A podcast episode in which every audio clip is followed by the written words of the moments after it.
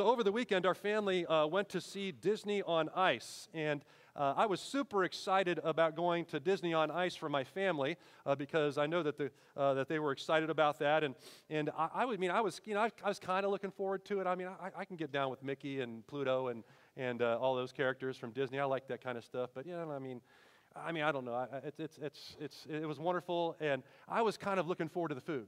Uh, I was super excited about the food because uh, we had uh, the, we were gifted these tickets that included food with it. Praise be to God, right? So like all day long, I'm prepping my body. I'm prepping my body for like all you know all you can eat food at the uh, end of the day, going to this Disney on Ice thing. Well, we get there, and the tickets that we thought included food did not include food. So we got there, and they said, no, no, there's no food tonight for that. But they said, but there's, you know, there's vendors down the hall. You can go, you know, purchase from them. Well, well, we had like, we had like prepared all of our bodies for this moment. And I got to say to you, I was hungry. I mean, Pastor John looked like Joe Pesci in a Snickers commercial. I was hangry. You guys ever see those commercials? Like all of a sudden it's an actor or actress out there and they're hollering and this, this, and that. And they say, Here, you need a Snickers. You're not yourself, right? And all of a sudden they become themselves after they eat the Snickers. I could have used a Snicker bar or two on, on Thursday night, I'm here to tell you. And, and, and so I want to talk to you today about what it means to be hungry. I want to talk to you about a spiritual hunger. So we were physically feeling hungry. I would say, as the average human being, as I look across this room, now, don't get me wrong, I'm not downplaying this. There are a lot of people that are hungry in the Muskingum County area, but the good news is, is that we have a lot of good hot meal programs for them. So even for them, uh, they're not necessarily going hungry.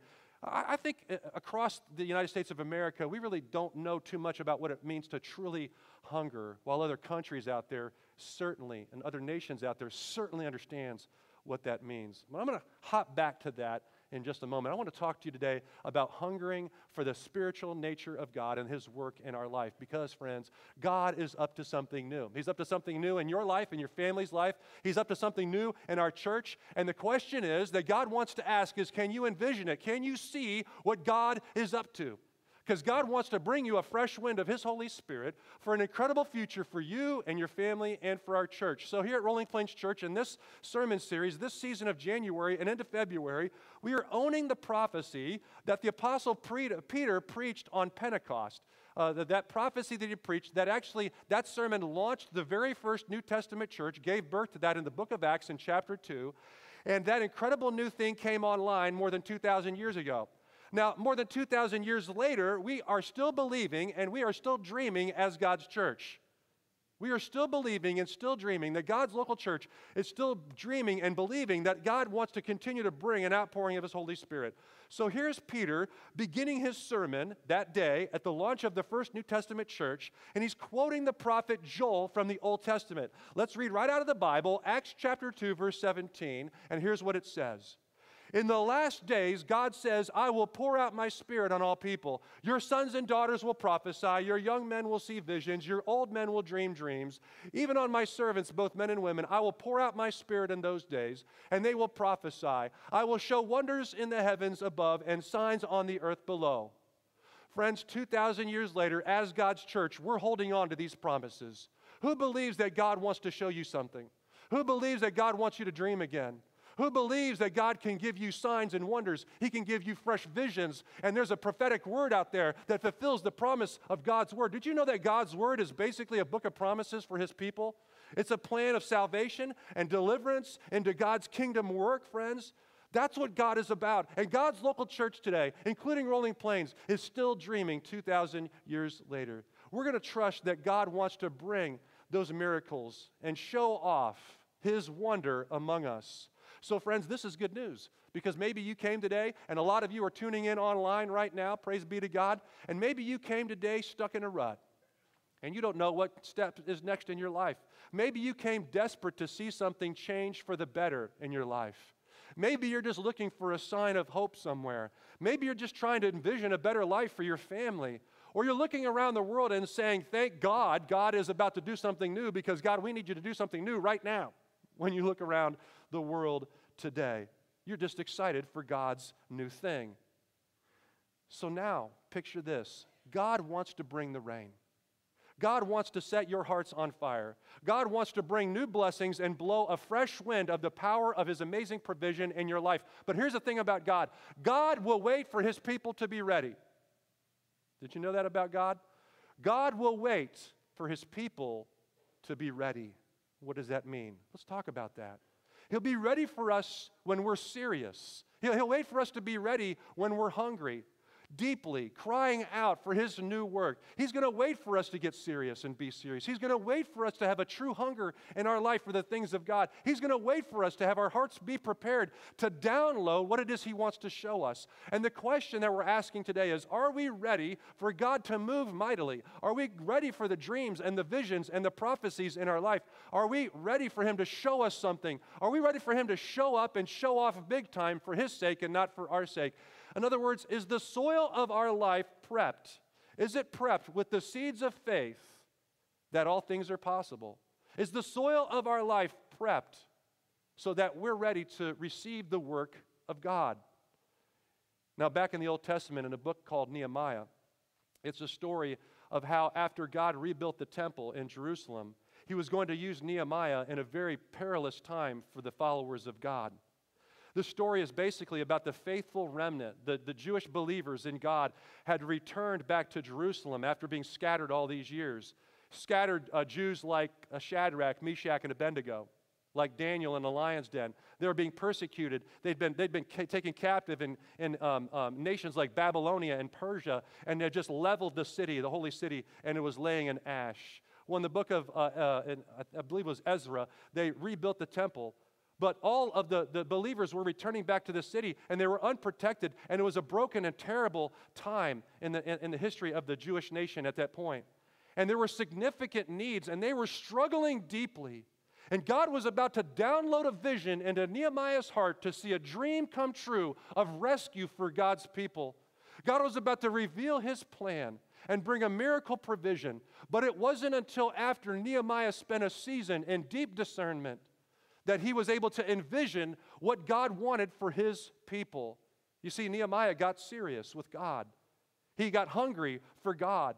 He spent a season, the Bible tells us, in mourning and weeping and confessing and crying out in prayer and fasting to be ready for God to show him something. Uh, the account is in Nehemiah chapter 1, verse 3 to 4, and I'm going to read it to you right now. From the Bible, it says, Nehemiah speaking, They said to me, those who survived the exile are back in the province and are in great trouble and disgrace. The wall of Jerusalem is broken down and its gates have been burned with fire. When I heard these things, what did he do? I sat down and I wept. For some days, I want you to circle that some days and underline that if you're able to. Some of you are following along on your YouVersion Bible app. There's a place in there where you can even mark that scripture on your phone. I mourned and I fasted and I prayed before the God of heavens, the heavens. Now, if you read the book of Nehemiah in chapter 1 and chapter 2, it says that he started in the month of Kislev with this, and he ended in the month of Nisan with this. Well, back in the day, that would have been a period of not two to three days and not two to three weeks. That would have been a period of three to four months. That he was in this season of crying out to God praying for God to move in his life. It wasn't a short two minute prayer and then move on and go, go about your business and move on with life. No, for four months, he's in this deep season of praying and fasting and repentance and, and, and, and confession and discernment with God. And God, you'll see in that book, uses this time to prep Nehemiah for his new thing to prep Nehemiah for the dream and the vision he's about to download in his heart to rebuild the wall of Jerusalem. That he used that three to four month time period to begin to make a way and even provide as he stepped out in faith to follow through with God's dream, friends. And as you read into chapter 2 and beyond, you see the fresh wind of God blowing a powerful miracle provision for a desperate people. So, what was the thing that led to that result? Well, friends, God moved because Nehemiah got serious. God moved because Nehemiah got desperate.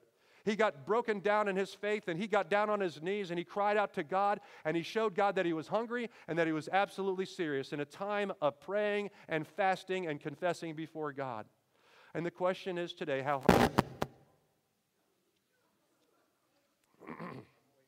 All right. How hungry are we for God to move in a mighty new way? Everybody's paying attention now. Praise be to God.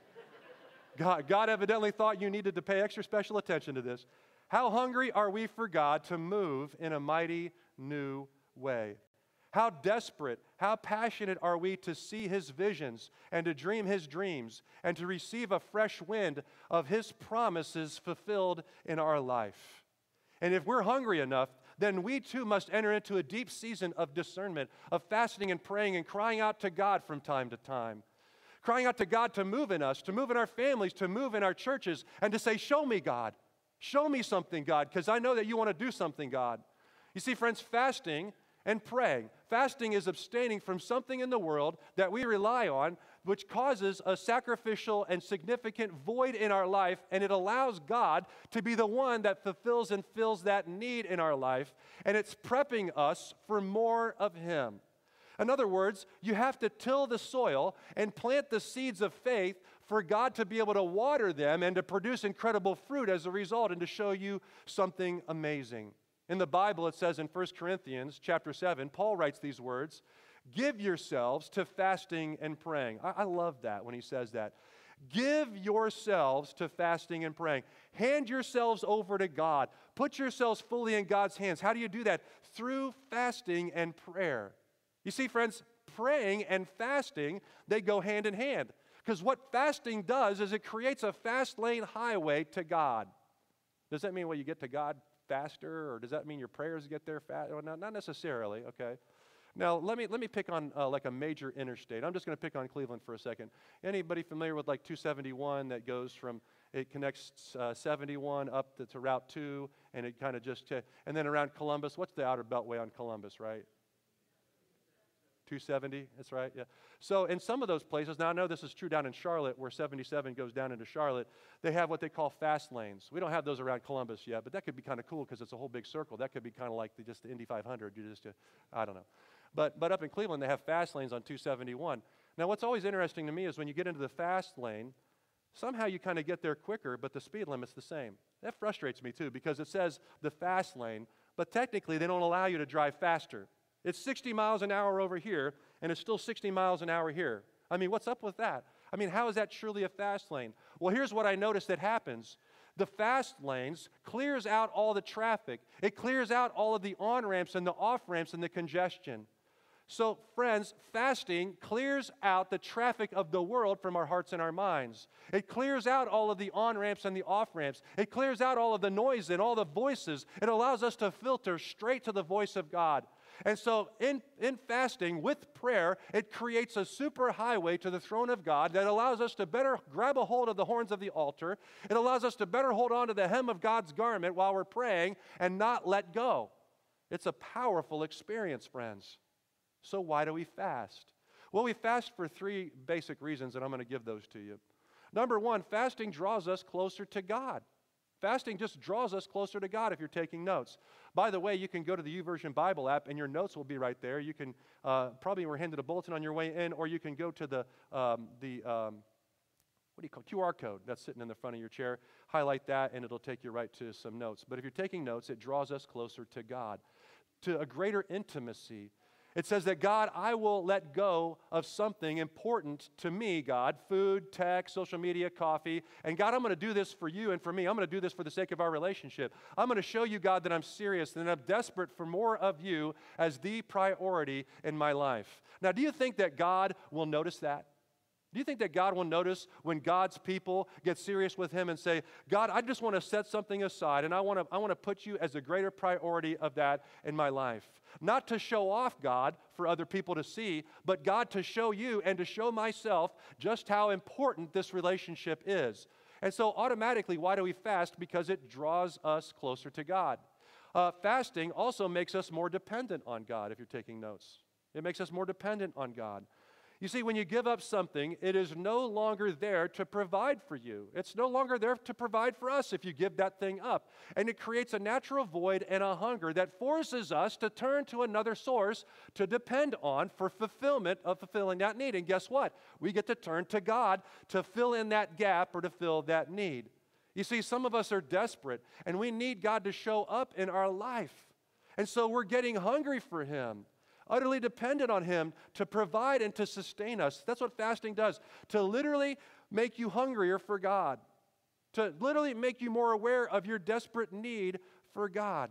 Friends, if we're just honest right now, we have so much affluence in this nation that we live in as Americans. We have access to clean drinking water whenever we want it. We have access to food and shelter and stuff, and our stomachs and our hands are full. Our, our, our, hands and our stomachs are relatively full. And because of that, we don't really need God in this country. I mean, I'm just saying it like it is, right? The vast majority for folk in America today, we don't really have a need for God in this country, oftentimes because we have so much. And so when we have a need, we just order pizza, right? When we're hungry. When we have a need, we just hop on Amazon or, or uh, we go to uh, place our mobile order and, and go to Walmart or Kroger or wherever and, and open up the hatch of our car and they drop it. You don't even have to get out of your car to open your door anymore. You just push the button, the hatch opens up, and they drop it in there. When you're hungry or you have need, you just push a button on your phone, and all of a sudden you're full, friends. Well, you know what happened that night uh, when we were there for Disney on Ice and we were hungry, and all of a sudden they said, Well, you know, food is not included with this. Well, guess what we did? We walked right next door to the concession stand there and got out the MasterCard, and we were all good. Right? Am I talking to some of the right people here today?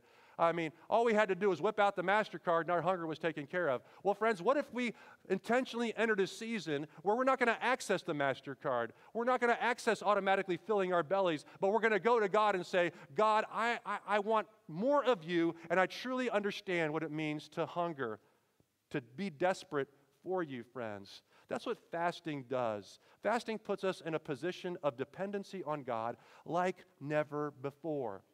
What else does fasting do? Why, else do we fast? Number three, because it shifts more of the focus from the flesh to God. That's why we fast, because it shifts more of the focus from this fleshly nature, the desires of the flesh, to the godly nature that God desires to bring into our life. We are no longer looking to the things of this world when we're fasting. We're no, we're no longer looking to McD's, Ben & Jerry's, or MasterCard or social media to fill us and to fill our bellies, to fill our time, and to fulfill our purposes. Thus, we're focusing on God to fulfill us. Part of fasting is a season of deep repentance. Part of fasting is a season of deep confession of our dependency of worldly things and to seek more fully the purposes of God in our life, to more fully remove this fleshly desire from us and to fill it with the desires of God. Now, did you know that in the second chapter of Joel is where Peter um, uh, recites that prophecy at the beginning of his sermon to the first New Testament church in the book of Acts that we just read? Well, if you go a little bit earlier in Joel chapter 2, to prepare for that for that promise that Joel gives us that you're going to dream dreams, you're going to see visions, you're going to prophesy, the Holy Spirit is going to pour out himself in that time. Guess what comes before that? Watch this in verse 12 of Joel chapter 2. Now, therefore, says the Lord, turn to me with all of your heart, with fasting, with weeping, and with mourning. Did you know that Joel's promise of, of, of, that prophecy is prepared by this season of turning to God with all of our heart, with confession, with weeping, with mourning, with fasting? Friends, fasting helps us recognize just how dependent and how much purpose we find in the flesh of this world and the stuff of this world. So that's why we fast. We fast to draw ourselves closer to God, to make us more dependent on God, and to shift more of the focus from our fleshly desires to the desires of God. So, so let me go on to talk about what do we fast for. If we're going to fast for something, what is that? What do we fast for? Four things, and uh, we're going to talk about that now. First of all, we fast for wisdom and understanding. We, we, we, we fast because some of us, we, we have a, a mind and a heart uh, because we want to focus our mind and our heart all in on God. So we are more aware of and ready to receive what it is that He has to give to us. Remember, I mentioned that Shadrach, Meshach, and Abednego, Daniel, a lot of these were the scattered Jews of the time uh, that were hauled off by the Persian Empire, hauled off by the Babylonian Empire, and they were enslaved as a result of that. You know, Shadrach, Meshach, and Abednego were under King Nebuchadnezzar. And then Daniel was in a very precarious spot as well. And he was witnessing the destruction of Jerusalem. And so Daniel uh, basically entered into a 21 day season of fasting and praying because of the, direction, the destruction of Jerusalem, and he was seeking wisdom and advice from God on what to do in that moment. And you're going to see that God delivers that wisdom and that answer to him three days after he completes that 21 days of fasting. Let's look at it in Daniel chapter 10, verses 2 to 3, and then we're going to jump to verse 12. At that time, I, Daniel, mourned for three weeks. I ate no choice food, no meat or wine touched my lips, and I used no lotions at all until the three weeks were over. Do not be afraid, Daniel. Uh, uh, so, I'm sorry. So I just skipped a whole bunch there. So, so he's fasting for these three days. He's fasting from choice foods. He's fasting from fine oils and for his body. And then skip over to verse 12. The angel comes and, and then says these words to him Do not be afraid, Daniel, since the first day that you set your mind to gain understanding and to humble yourself before your God, your words were heard. Your words were heard, and I have come in response to them. So, friends, what we clearly see is that the result of his season of fasting and praying and discerning, in that God drops a wisdom and understanding bomb on his life three days after that's completed. He's prayed up, he's focused on God, he's hungry for God, he's anticipating receiving insight from God, receiving wisdom, and God gives it to him. He gives him wisdom and understanding. Now, friends, some of you are facing some rather important decisions in your life. You're facing some important decisions when maybe um, in, in, your relationships, uh, you're uncertain what to do, or maybe you're, uh, you're, you're, staring at a painful, uh, painfully difficult season that's crucial to your family, a difficult decision for your business or organization that you're a part of, or, or just your future, and you're just, you're just desperate for wisdom. Or maybe you just sense that God is on the move and you want to see what that looks like, what the, what, where God is guiding you and leading you. Friends, I've mentioned to you examples from Nehemiah and Daniel that both show us that praying and fasting brings about a better understanding of God's purposes. It brings about a better um, uh, uh, uh cachet of wisdom in our life. So, what do we fast for? We fast for wisdom and understanding. We also, number two, fast for preparation to grow in the Lord. We fast in order to grow in the Lord. It prepares us for new growth. If we want to grow in God and believe Him for a new season of maturity in our life or for our family or for an increase in our church, fasting prepares the soil that we're planting the seeds of faith in for God's new work and for His fresh fruit to be able to be, to be, able to be produced in our life. Friends, fruit does not come without seed. Every fruit comes from some kind of seed, a seed that is sown in the soil, that is tilled and cared for and fertilized and watered. Friends, fasting and praying together plants those seeds of faith that allows God to then take over, care for, and bring about his incredible fruitfulness and fresh fruit as a result of that. And that's what we're believing for Rolling Plains Church, friends. We're believing that God is wanting to bring a fresh new season of fruitfulness into our life.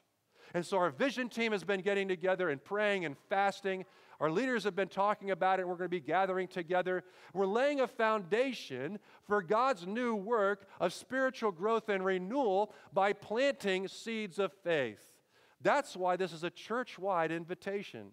Did you know that during the month of January, right now, we're in a season of a church wide call? Your pastor, your prayer team is calling you to enter into a season of fasting and praying together. Can you imagine the kind of fruit that comes as a result of the fasting and praying that we're now doing. Friends, we're seeing miracles being answered every day in our church. We're seeing bat- we're going to see baptisms in just a minute here after the message, and we sing this closing song.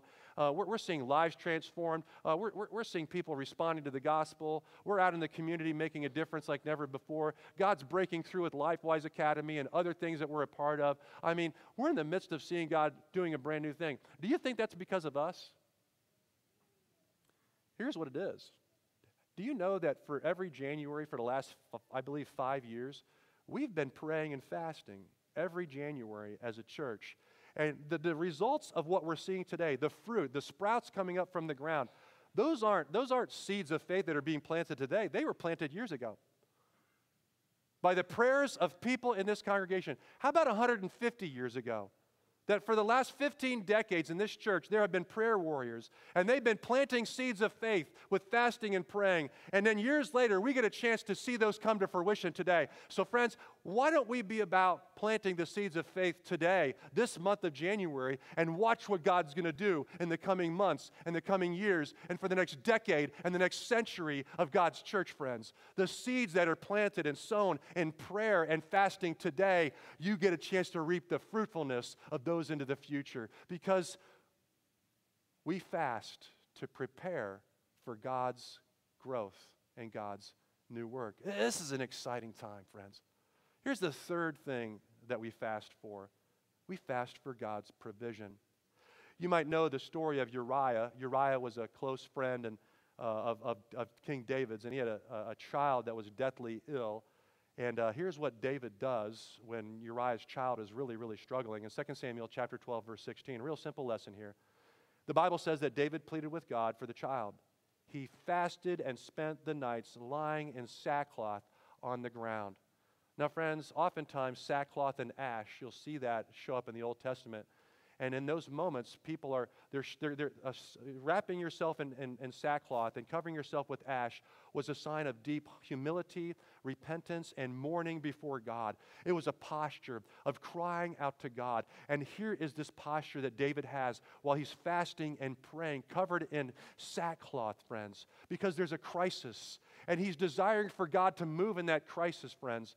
Friends, maybe some of you are hurting so badly right now, or you have this crisis looming in front of you for you, a loved one, or a friend. It's a health related issue, or there's some kind of lack out there, or it's a financial need, or you're desperate for somebody to see relational healing, or there's a stray child out there and you're hoping they'll come back to their parents. Friends, fasting is a time of deep, powerful intercession. It's a super highway to focus us on God and to seek the Lord's favor for the need that we have. If you're in a desperate moment, friends, I want to encourage you, like David, to fast and pray because it gets us focused on God and, and it gets us focused on seeking and seeing and crying out for God's amazing provision. What do we fast for? Fourthly, for, pray, for, uh, for praying for renewal. We fast and pray for renewal.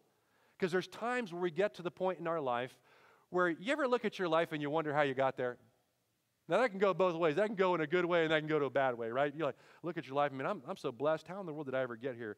But then there are times in our life where, where we've had it, and I've had them in my own life. I was like, okay, God, how did I get where I am? How did I get to feeling so far from God?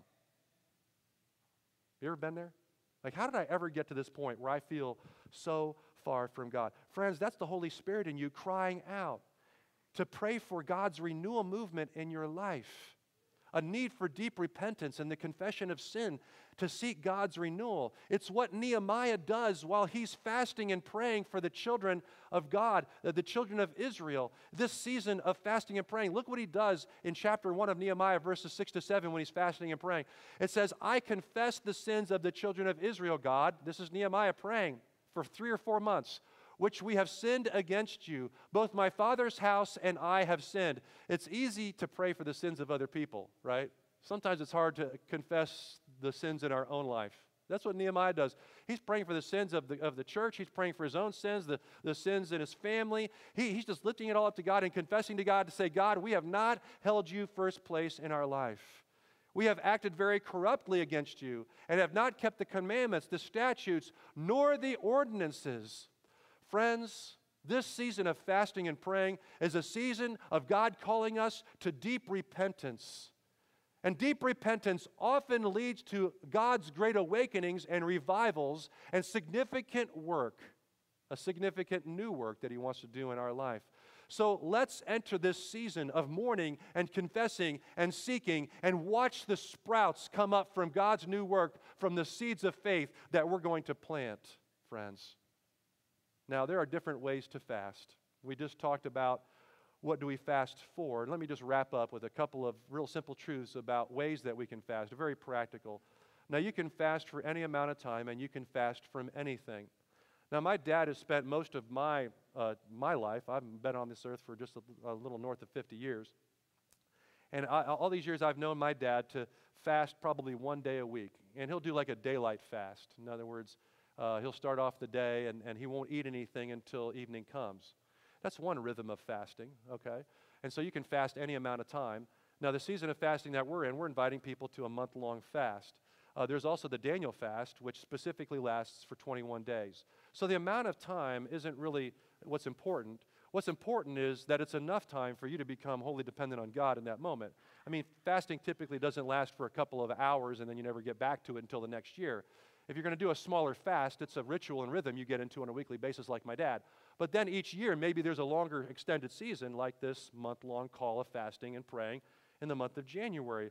So the amount of time really varies, and the things that you can fast from vary as well. Uh, you know, for me, during this month, I'm, I'm fasting from social media and from sweets. So I'm eliminating any extracurricular sweets like cakes, cookies, uh, you know, uh, snacks, ice cream, all of those things. That doesn't mean I don't have sugar in my diet right now, because I do. I have peanut butter and jelly, or I'll have a, a bowl of cereal, and there's a lot of sugar in a bowl of cereal. Um, so that's kind of what I'm doing right now that allows me to become more dependent on God in this season of fasting and praying. I'm not sharing with, that, with you to brag. I'm just giving you an example, okay, of what you could be doing. I'm also staying off of, like I mentioned, social media and Facebook. Now, you can fast from chocolate or coffee or, or eating or television or from your, your electronic devices, friends. You could abstain from anything that creates a significant void that requires a sacrifice. Now, as I mentioned, for 21 days, Daniel made a significant sacrifice in his diet. The Bible says he remained away from choice foods and, again, all lotions that might have blessed his skin or, or whatever it might be.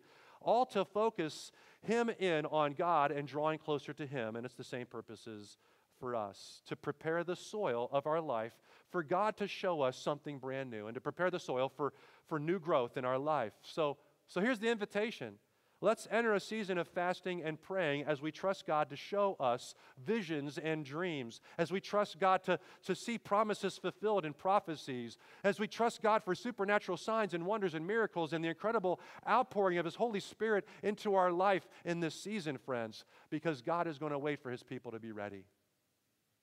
And this is an opportunity for us to plant seeds of faith in this posture of fasting and praying. So here's a couple of action steps and we'll land the plane. Number one, confess your dependency on this world to Him. We all have a dependency on something in this world that supersedes our dependency on God. Let's confess that to God, whatever that may be, friends. Let's just get, let's just get real with God. Number two, fast and pray with us through January 31st. Now, some of you are saying, well, but Pastor John, this is the first time I'm hearing about this, or Pastor John, I heard about it from the prayer team back on, on December 31st, and I didn't really pay attention to it. And so, as of today, Pastor John, it's, it's the 14th of the month, and I mean, I haven't been fasting and praying for the last 14 days. Brenda said, that's okay. That's okay. There's no shame here. That, that, that's fine. No worries. Start today. Start tomorrow. The good news and the bad news about January is you've got another 16 or 17 days to fast, but that is the bad news for the weather report. So so the good news is you have time, friends. Take advantage of it. Start today. I would, I would pray in my heart that every person in our church, listening online, everybody present here, and those that can't make it today, would find something, uh, some kind of supplemental fast in their life for the next two and a half weeks. There's prayer guides from the prayer team that are available out there on the information desk. They'll help you with that. Go check those out and see what God can do. Can you imagine the seeds of faith that would be planted in this church if all of us were in agreement during this season where we're fasting and we're mourning and we're weeping before God and praying and crying out for Him to show us signs and wonders. Oh, I, I can't even, I can't even just, I, can't even imagine. I mean, I can imagine it, but you know what? The God says I can do far more than you can ask or imagine, friends. I say we put Him to the test and see Him do far more than we can ask or imagine. Let's fast together. And then, third and last, get hungry for God's new thing. Can we just be honest here? Some of us say that we're desperate for something to happen in our life. Some of us say that we're hungry for God. Some of us say that there's just brokenness in our life and we don't know what to do and we're just, we're just so desperate for that to happen. But are we living in a posture of being desperate and hungry before God? Because that's where our energy should be focused. Rather than just being desperate, let's be desperate before God. Rather than just be hungry for change, let's be hungry before God because He is the great provider of all things. And God wants to show you something. Let's pray. Lord God, we are just eternally grateful for our church. And with Dean and uh, Pat Kelly, who oversees our finances, and the rest of our leadership team, and our staff team, and all of our servant volunteer leaders, Lord God, we are so grateful to you for how you've provided for us in the last year. And we just celebrate that with you. And Lord God, we're going to trust you for another great year of ministry, and we know you're going to provide through the faithfulness of your people and the biblical tithe for another incredible year. So, God, thank you for that wonderful report. Lord God, there's some of us that are here today and we're desperate. We're broken. We're, we're seeking and we're searching. Some of us are here and we don't, we don't even know if we know you. And God, you just want to say back to us, that's okay. Now is the time. This is the moment. So, God, for those of us that don't know you here and now, we give out the invitation, God. We, we desperately need you, God. We're crying out in our hearts. We need you, Jesus, to be our Lord and Savior. We believe that you died on the cross for our sins, Lord God. And we know that we can't do this life on our own, that we want to put you in the driver's seat. We want to put you on the throne. Lord God, there's somebody here today listening or present, um, and, and uh, listening online or live and present here today. And this, and this is something we just need to confess to you, God. We don't know you, but we want to know you. We want you in our life. We want you to be Savior. And we have sin in our life, Lord God, and we need you to remove it. You're the only one that can do that, and we believe that, God. So we invite you into our life right now to be our Savior. And God, there's still more of us in this room and listening online where we want to take our relationship with you to the next level. Lord God, we want you to be our Lord. We want you to be Lord of our life. And so we're confessing to you that there's sin in our life, Lord God. We confess to you the sins in our church, the sins in our family, the sins in our life, just like Nehemiah did for God's people, Lord God. And in this season of fasting and praying, Lord God, we're believing that you're showing us something, that you're on the move.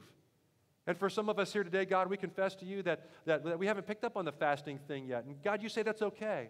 And we're going to start today. We're going to start tomorrow. We're not going to, but we're not going to wait beyond that. We're going to get started right now. And for the next 14 or 16 days, we're going to fast and pray, Lord God, with some kind of modified fast. And Lord God, for those of us that have been fasting for the last couple of weeks, Lord, we believe that you've been showing us dreams and wonders and signs and, and visions, Lord God. And we, we just trust that that'll come out as a beautiful, encouraging testimony to share with other people, to prophesy unto other people, to, to encourage them in you, Lord God, to help them understand that you're on the move in their life and in this church in significant ways. Lord God, we believe that the seeds of faith that are planted in this month of January are going to echo for months and months and years to come, all the way until eternity. And so, Lord God, would you continue to allow us to be in this posture in this season? And would you do your brand new thing amongst us? We need you, God. We want to be desperate for you. We're hungry for you, Lord God. Show us something. It's in your name we pray. Amen. Amen. Well, I want you to, to invite you to stand right now. And when I do that, our prayer team is going to make their way forward, and this altar area is going to be open to you. And these prayer members here, they'd be willing to talk to you about a profession of faith if you want to give your life to Jesus Christ and you've never done that before. If you want to join God's church, you can mention that to them as well. Or if you desire baptism, you can let them know and they'll pass that along to me. Um, and, or if you just want to pray, that's okay, you can stand up. If, uh, if, or if you just want to pray or come forward and be quiet with God, that opportunity is afforded for you. Uh, right now, um, I'm, I'm going to go get changed. And when the song is done, we're going to have a couple baptisms, and then we're going to release you. God is good. Let's sing.